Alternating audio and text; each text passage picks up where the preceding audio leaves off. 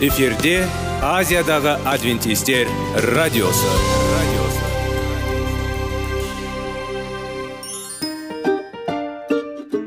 Сәлем достар. Денсаулық өмір бұлағы және біздің бірінші байлығымыз демекші денсаулық сағаты рубрикасына қош келдіңіздер. Біздің рубрикада біз әртүрлі факторларменен мәліметтерменен кеңестерменен бөлісіп шын жүректен сіздердің дендеріңіз сау болғанын қалаймыз. Сол үшін біздің рубрикаға қош келдіңіздер. Дайындалып тұрыңыздар. Өйткені келесі минуттарда қызықты фактілерге ие боласыздар. Енді достар ең бірінші байлығымызды қолымызға алып алға кеттік.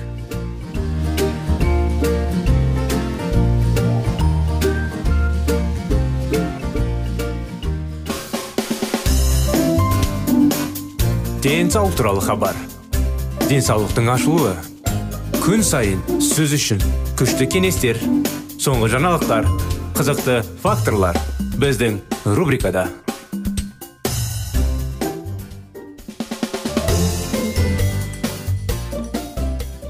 достар сәлем армысыздар құрметті тыңдаушыларымыз қытай зерттеулері тақырыбын сіздермен бірге денсаулық сағат бағдарламасын ары қарай жалғастырудамыз.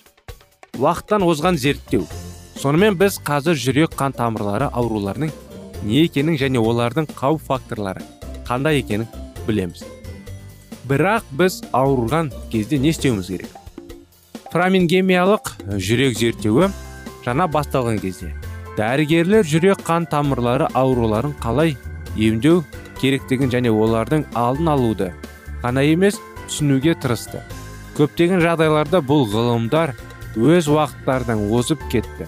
Өйткені олардың араласуы сол кездегі ең инновациялық және сәтті емдеу бағдарламалары ең аз дамыған технологиялар құралдарға шындыққа пышаққа сүйенді. Бұл дәрігерлер үздіксіз зерттеуге назар аударды. Бірнеше журнал жасады. Жалпы мағынасында негізделген тұжырымдар олар мұны түсінді. Майлар мен холестеринді шамадан тыс тұтыну атеросклерозды тудырады. Қатаю және бляшкаларды пайда болу холестеринді тамақтану қандағы холестериннің жоғарылауына келеді. Қандағы холестериннің жоғары деңгейі прекурсор және немесе себеп болуы мүмкін. Жүрек қан тамырлары аурулары. Әлем халқының көпшілігінде жүрек тамыр аурулары жоқ. Бұл мәдениеттерде адамдар аз май мен холестеринді жеп мүлдем басқаша тамақтанды. Сондықтан олар өз пациенттерінің жүрек қан тамырлары ауруларын емдеуге шешім қабылдады. Олардың рационында майлар мен холестеринді тігу. Ең прогрессивті дәрігерлердің бірі лос анджелестегі лестер моррисон болды. Ол 1946 жылы майларды жеу мен атеросклероздың пайда болу арасындағы байланысты анықтау үшін зерттеуді фрамингем зерттеуінің екі жыл бұрын бастады. Зерттеу барысында ол пюэм миокард инфарктісінің аман болған қалған елу пациентке қалыпты диетаны сақтауды. Ал миокард инфарктінен аман қалған елу адамға тәжірибелік диетаны ұстануды ұсынды. Тәжірибелік диетада ол май мен холестеринді тұтынады азайтты оның жарияланған мәрзінің бір пациенттерге күніне екі рет аз мөлшерде ет алуға мүмкіндік берді. Түскі асқа шамамен 55 салқын майыс қуырылған қой ет мен сонша бұндай ет арналған кешкі ас. Науқас суық қуырылған ба жаңағындай жалбыз желемен жақсы көрсе де оны көп мөлшерде жеуге рұқсат етілмеді. Тәжірибелік диетадағы тыйым салынған тағамдардың тізіміне пюре сорпалары шошқа еті майлы ет жануарлардың майлары тұтас сүт кілегей май жұмыртқаның сарысы нан және десерттер кірді. Май мақсатты жұмыртқа және тұтас сүт. Бұл прогрессивті диета қандай да бір нәтиже берді ме? Сегіз жылдан кейін дәстүрлі диетаны ұстанған елу адамның 12-сі ғана тірі болды. 24 пайыз. Тәжірибелік диетаны ұстанған топта 28 адам тірі қалды. 56 пайыз. Бұл бақылау тобына қарағанда 2-де 5 есе жоғары. 12 жылдан кейін бақылау тобындағы барлық науқастар қайтыс болды. Екінші топта 19 адам тірі болды. Осылайша олардың саны тірі қалғандардың 38 пайызы 22 болды. Бірақ әрине өкініштісі сол көп адамдар тобында. Жаңағындай ерекше диета барлық қайтыс болды. Анық бұл қасиеттердің дамуын тежейтін ауру қолданған сәл аз жаңағы жануарлардың тамақты және сәл оның өсімдік дық жаңағы майларды қабылдап жануарлардың еттерін қабылдаған тағамдарды қабылдаған кезде сондай. 1946 жылы осы зерттеу басталған кезде көптеген ғылымдар жүрек тамыр аурулары қартаю процесінің сөзсіз бөлігі деп санайды. Және бұл туралы ештеңе істеуге болмайды. Моррисон пациенттерінде жүрек қан тамырлары ауруларын емдемесе де ол диета сияқты қарапайым дәрі дәрмектің миокард инфарктісіне әкелетін кеш сатысында болса да аурудың ағымын едәуір баяулықты мүмкін екенін дәлелдеді. Моррисон пациенттерінің арасында тірі қалғандардың үлесі ғылымдардың тағы бір тобы дәл сол уақытта дәл осындай қорытындыға келді. Солтүстік калифорниядағы дәрігерлер кеш сатыдағы жүрек қан тамырлары аурулары бар пациенттердің үлкен санатын анықтады және оларға аз май мен холестерин диетасын ұстануды ұсынды. Бұл дәрігерлер белгіленген диетаны ұстанатын пациенттердің өлім жітім деңгейі төрт есе екенін анықтады. Оған жабыспаған пациенттерге қарағанда төмен. Енді үміт бар екенін белгілі болды. Жүрек қан тамырлары аурулары қант адамдардың сөзсіз серіктері болған жоқ. Тіпті аурудың дамуының кеш кезінде де мен май холестерині аз диета пациентінің өмірін едәуір ұзартуы мүмкін. Бұл ауруды түсінудегі маңызды жетістік болды. Сонымен қатар бұл жаңа түсінік мақтану мен қоршаған ортаға байланысты басқа факторларды жүрек тамыр ауруларын зерттеуде басты орынға қойды. Алайда тамақтану туралы кез келген талқылау кезінен майлар мен холестеринге қатысты болды. Бұл екі бөлек тағам барлық қиындықтарға күнәлі болды. Бүгін біз майлар мен холестеринге тым көп көңіл бөлу бізді адастырғанын білеміз. Майлар мен холестерин жек тек жануарлардың тамағын жеуге болатындығын ешкім қарастырған жоқ. Осындай анықтама құрметті достар сіздердің назарларыңызға. Бағдарламамыз осымен аяғына келіп жетті. Келесі жолға дейін сау болыңыздар.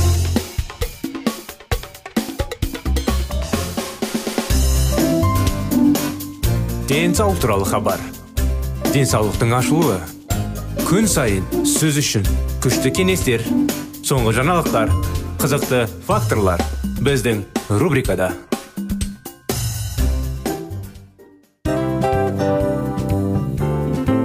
Әуелі байлық денсаулық екінші байлық он саулық үшінші байлық ақ жаулық. Ал енді осындай радио парақшадан кейін не дейміз? Барлықтарыңызға денсаулықтарыңыз зор болсын деп тілейміз. Денсаулықтың өзгеруі кішкентай нәрселерден басталады. Осымен біз берген кеңестер мен мәліметтер шын жүректен сіздер үшін қандай да бір болсын жәрдем берді деп үміттенеміз. Тыңдаушыларымызбен келесі радио парақшасына дейін қоштассамыз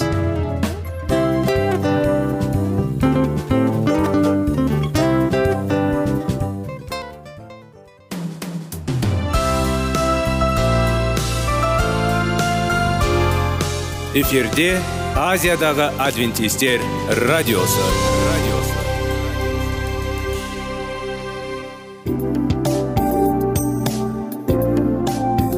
Сәлем достар. Барлықтарыңызға шын жүректен сөйлесек рубрикасына қош келдіңіздер деп айтпақшымыз. Шын жүректен сөйлесек бағдарламасы әртүрлі қызықты тақырыптарға арналған.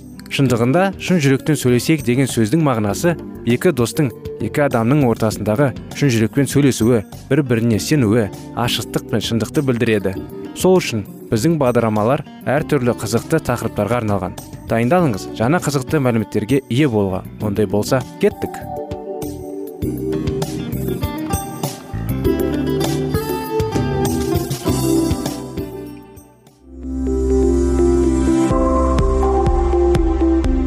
алтын сөздер.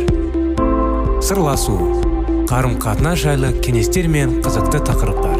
Шын жүректен сөйлесейік рубрикасында.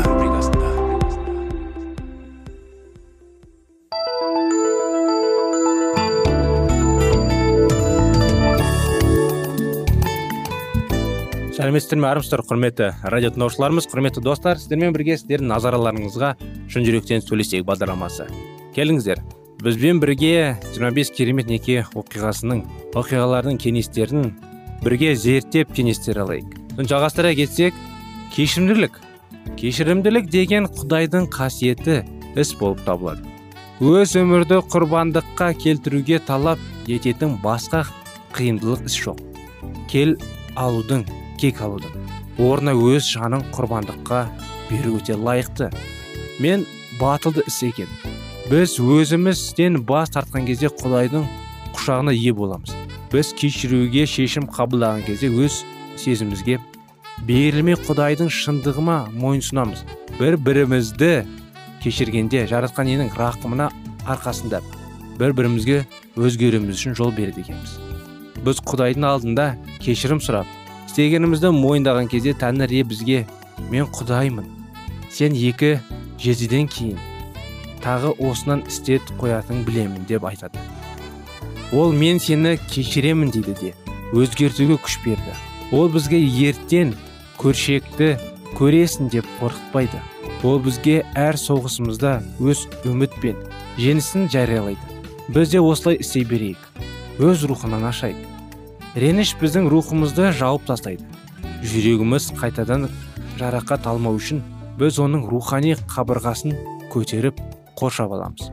Осы қабырға бізді қоршайды деп ойлаймыз да дегенмен солар құдайдың сүйіспеншілігін қабылдауға әрі басқаларымен бөлісуге кедергі жасайды.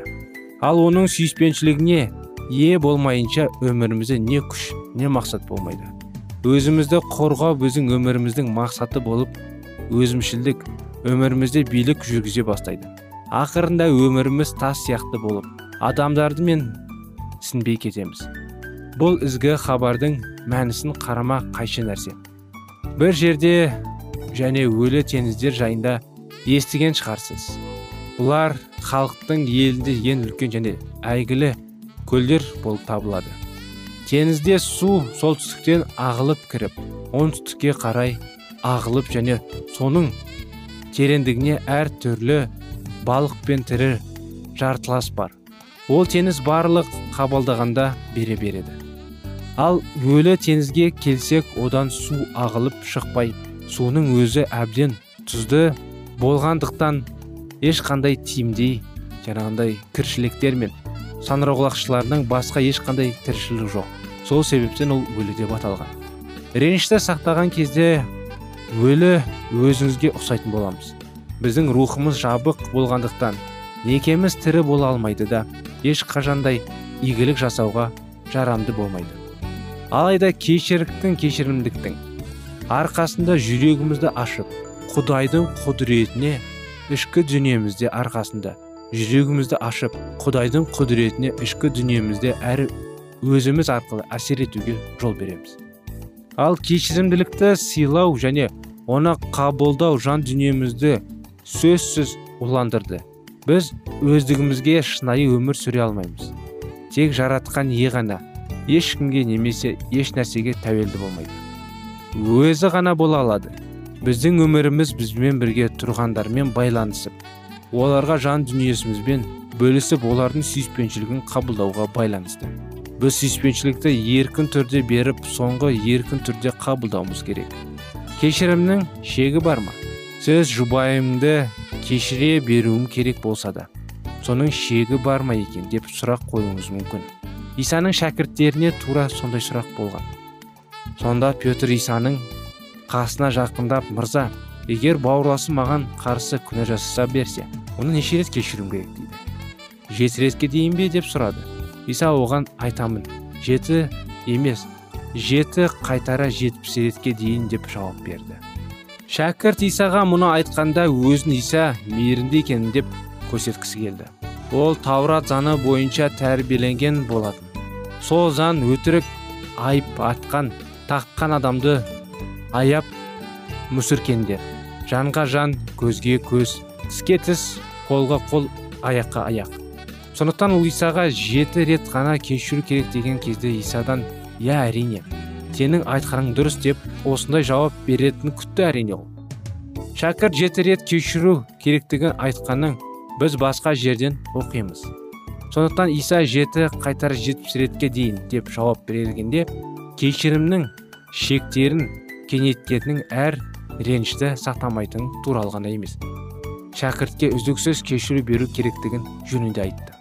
Исаның айтқаны бойынша адам өзінің бауырысына қарсы бір күннің ішінде жүз жоқ 490 рет күнә жасау керек. Яғни сіздің жұбайыңыз әр үш минут сайын сонымен қоса түнгі уақытта сіздің ренжу керек. Бұл тым көп адам солай күнә жасай алмайды екен. Келе жазбада жеті деген сан әсіресе аспан мен жердің арасында толықтықты тамбаны көрсетеді. Иса 490 деген санды туралы айтқанда яғни жетпіс көбейту жеті дегенде көктегі әкемізге ұқсап толық кешіруіміз қажет екендігін білдіреді. Егер біз кешірмейтін болсақ онда бізді де кешірмейді. Бұл ереженің ешқандай ерекшелігі жоқ. Біздің кешіре білуіміз құдайдың өзіне неге сондай маңызды болады? Өйткені біз кешірген кезде оның табиғаты ашылады да оған ұқсап кете бастаймыз да. Арамыздағы болған кедергіні алып тастап құдай кеге ұқсайтын боламыз. Біз жаратқан иенің кешірілдігіне бола қалпына келіп енді басқа адамдардың өмірлері қалпына келу үшін оларды кешіруге міндеттіміз егер сіздің жұбайыңыз әрқашан кешірім сұрай берсе онда құдай иесіге оның кешірімнің сауықтыратын құдіретін таратушы болған күмәндік береді. Реніш туралы толық түсіну үшін жаңағындай бір біріңізді кешіре білуіңіз керек. Сол кезде расында да жүрегіңіз бір жібіп жібіп босағандай болады. Осымен бағдарламамыз бүгінгі күнде аяғына келді. Сіздерді қуана келесі жолы күтеміз оқиғаларымыздың жалғасында келесі жолға дейін сау болыңыздар.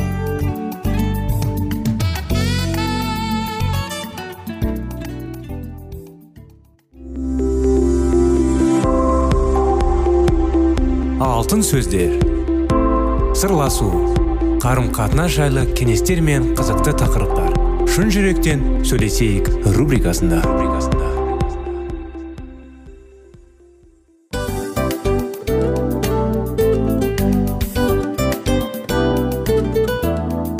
Құрметті достар барлық ең соңғы кеңестер аяқталған соң біздің программамыз соңына келіп қалды. Осы біздің мәліметтер осы рубрикада айтылған әрбір сөздер сіздерге өзінің қандай да бір пайдасын алып келді деп шын жүректен сенеміз. Және бұдан да көптеген рубрикаларымыз бар. Басқа рубрикаларымызда біздің зерттеулерімізде сіздер үшін тағы да қызықты мәліметтер дайын. Біздің шын жүректен сөйлесейік парақшамызда көптеген әдістер ең соңғы кеңестер адамның нравственность жақтан моральдық жақтан тазалап байыта тұрған соңғы кеңестердің барлығын жанарады. Сондықтан алдыңғы күндерде бізбен бірге болыңыздар. Өйткені барлық қызықтар алдыда. Бізбенен бірге болғандарыңызға үлкен рахмет. Келесі кездескенімізше сау сәлемет болыңыздар.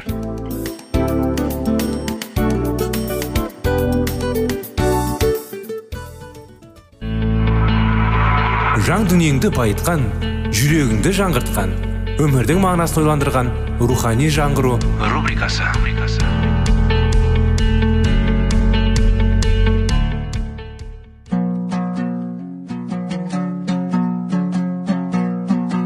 Ассалаумағалейкум біздің тыңдаушыларымыз. Келі кітаптың шындығын ашып берген қысқа бағдарламасына қош келдіңіздер. Барлығынан жоғары жаратушы біздің қарыңғылықта жалғыз қалдырып қойған емес. Өйткені ол келешекте не болу керек екенін киелі кітаптың парақтарында ашып береді. Немесе келіңіздер бізге қосылыңыздар. Жаратушы бізге нен ашып бергенін зерттейміз.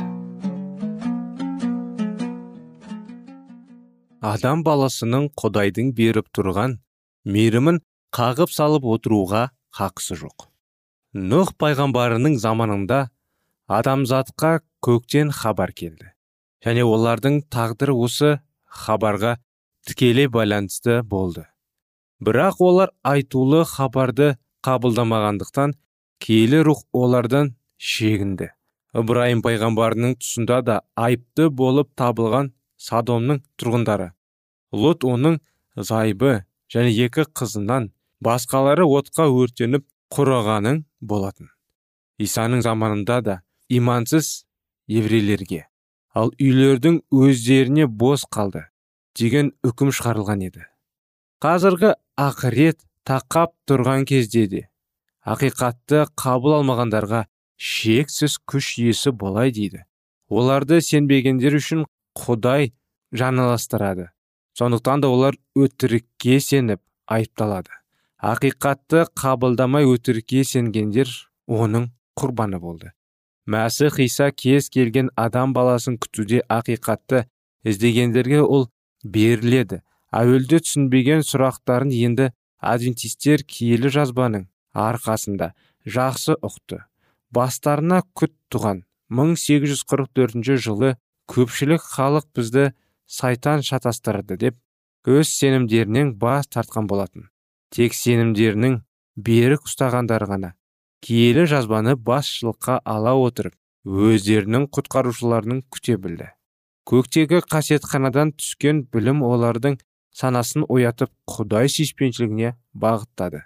Сондықтан да олар осы айтылған жылы ұлы басты діни қызметкерлердің бірінші бөлігіндегі қызметтің аяқтап екінші бөлімге кіргеннің таянақты түрде ұға білді. Оның соңынан ере білген мәсіхшілер осы ақырет кезіндегі өздеріне артылып тұрған жауапты іске салмақты түрде қарап шыдамдылықпен кірісті. Олар бірінші және екінші періштенің хабарын жақсы түсінді және аяның 14 хабарында сөз етілген үшінші періштенің хабарын күнәқар әлемге жариялауға дайын болды. 25 тарау. Өзгермейтін мәңгілік құдай заңы. Сонда көктегі құдайдың киелі үйі ашылып ондағы өсиет сандағы көрінді. Найзағалар жарқылдап қатты дауыстар мен күннің күркіреген естіліп жер сілкініп бұршақ қатты жауды.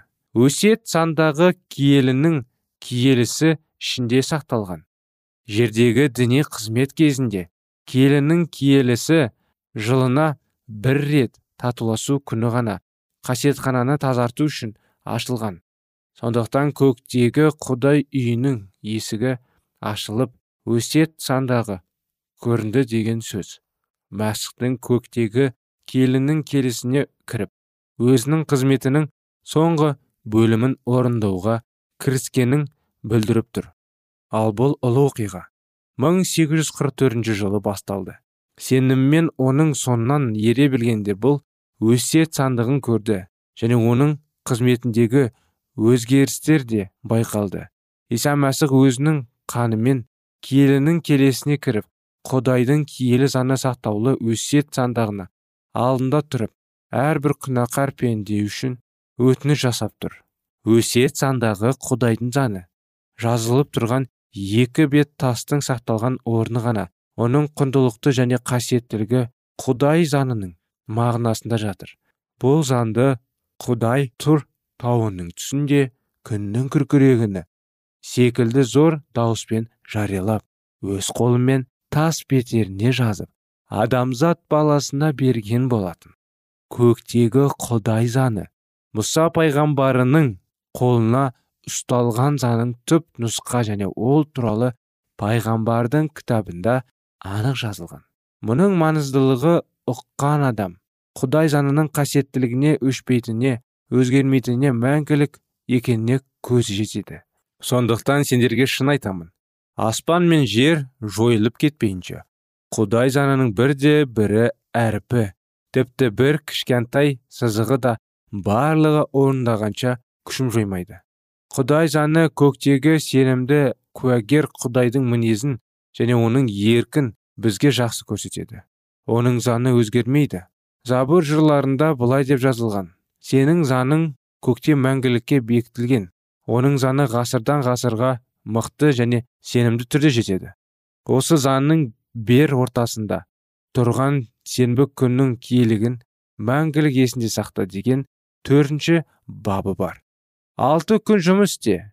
Және кез келген ісіңді атқар.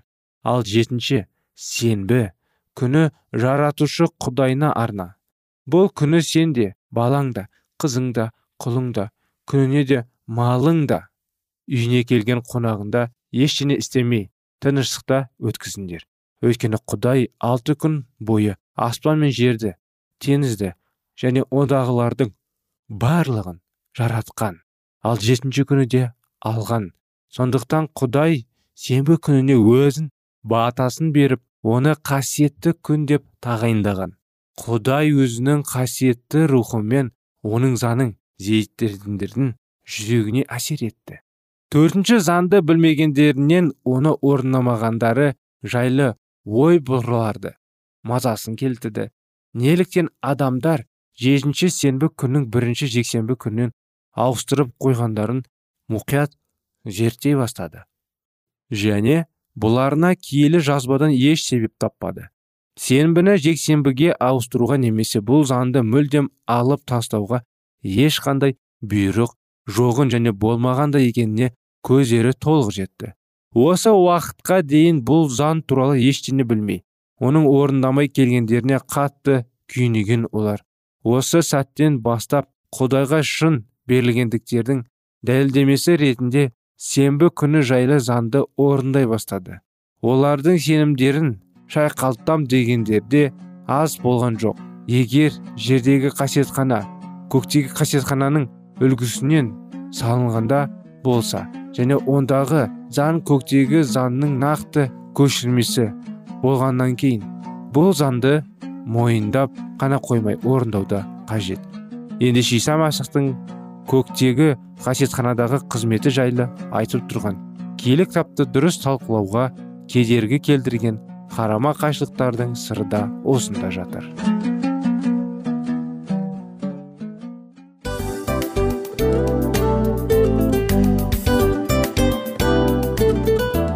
Достар біздің радио парақшамыз өзінің соңына келіп те қалды. Демек бұл программамыздың қорытындысын айта кету керек.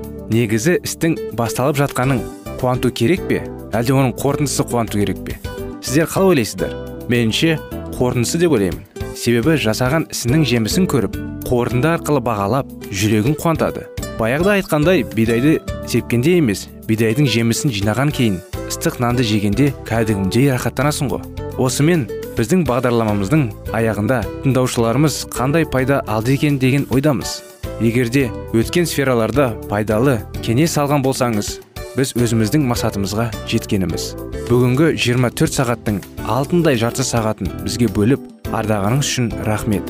Келесі кездескенімізше қош сау болыңыздар. Достар біздің бағдарлама бойынша сұрақтарыңыз болса әрине сіздерге керекті анықтама керек болса біздің whatsapp нөмірімізге хабарлассаңыздар болады. Плюс бір үш жүз бір жеті жүз алпыс алпыс жетпіс иә достар сіздер қателеспедіңіздер бұл біздің номерлерге ұқсас болмаса да бұл whatsapp номер арнайы. Хабарласыңыздар сұрақтарыңызды қойып тұрыңыздар. Анықтаманы алып тұрыңыздар. Плюс бір үш жүз бір жеті жүз алпыс алпыс жетпіс номері.